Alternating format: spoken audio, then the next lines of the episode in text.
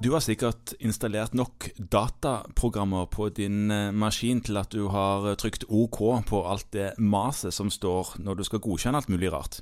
Ja, du tenker den der han, eh, informerte samtykke på 250 Ja, sider. ja. Eh, Og, hver, ja. og det har du lest, eller?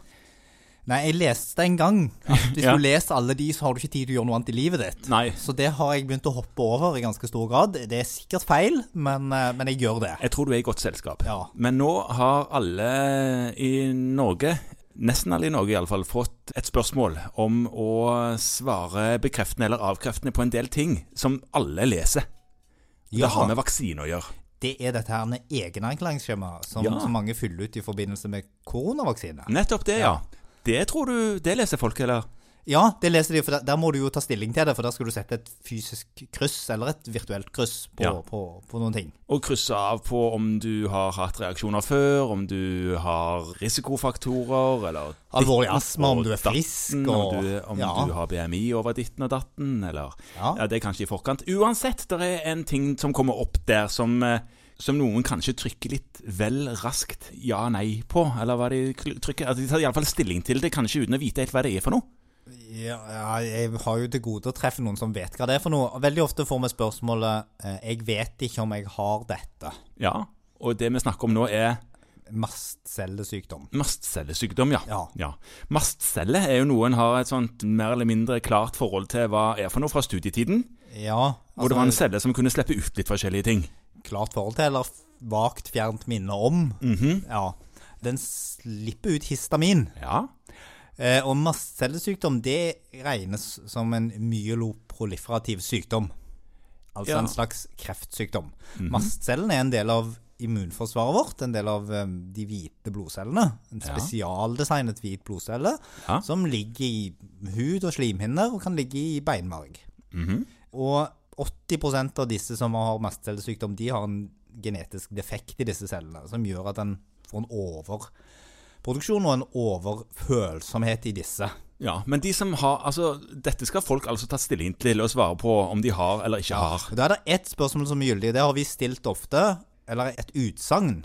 Hæ? Da er det ett utsagn som er gyldig, og det har vi, bruker vi ofte når vi screener på dette. og Jeg er jo en del med på en sånn vaksinasjonsstasjon, og det er hvis du ikke vet at du har det, så har du det ikke. Ah, Eh, Ok. For de få som har dette, de vet om det.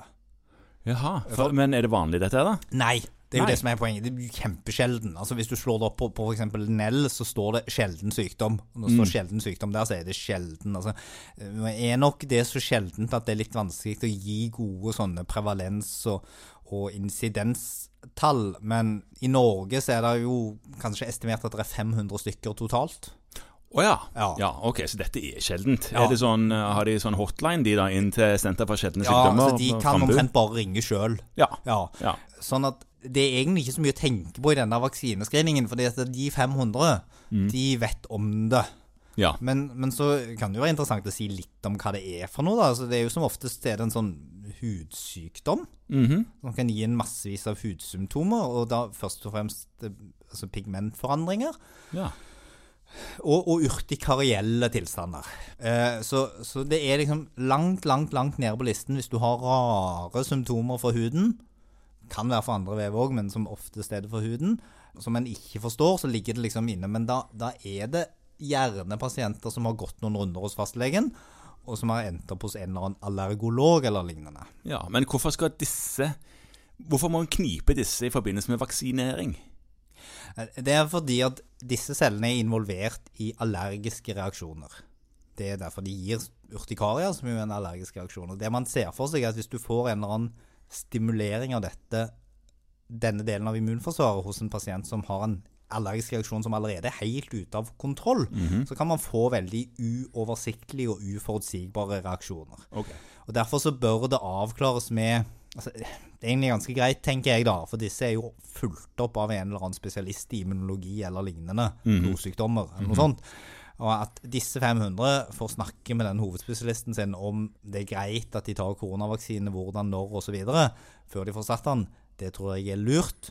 Men det er jo naturlig nok ikke prøvd ut i særlig stor systematisk grad på denne pasientgruppen. Nei. Nei. Og fordi man tenker tenker seg at det er noe sånn underliggende immunologi her, så skal man være forsiktig med det. Ja.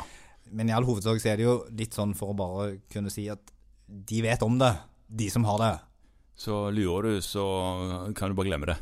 Ja, Ja. eh, sikkert nå en eller annen som kommer der og som var udiagnostisert, men den risikoen løper man jo uansett på den typen skjemaer. Det er sant.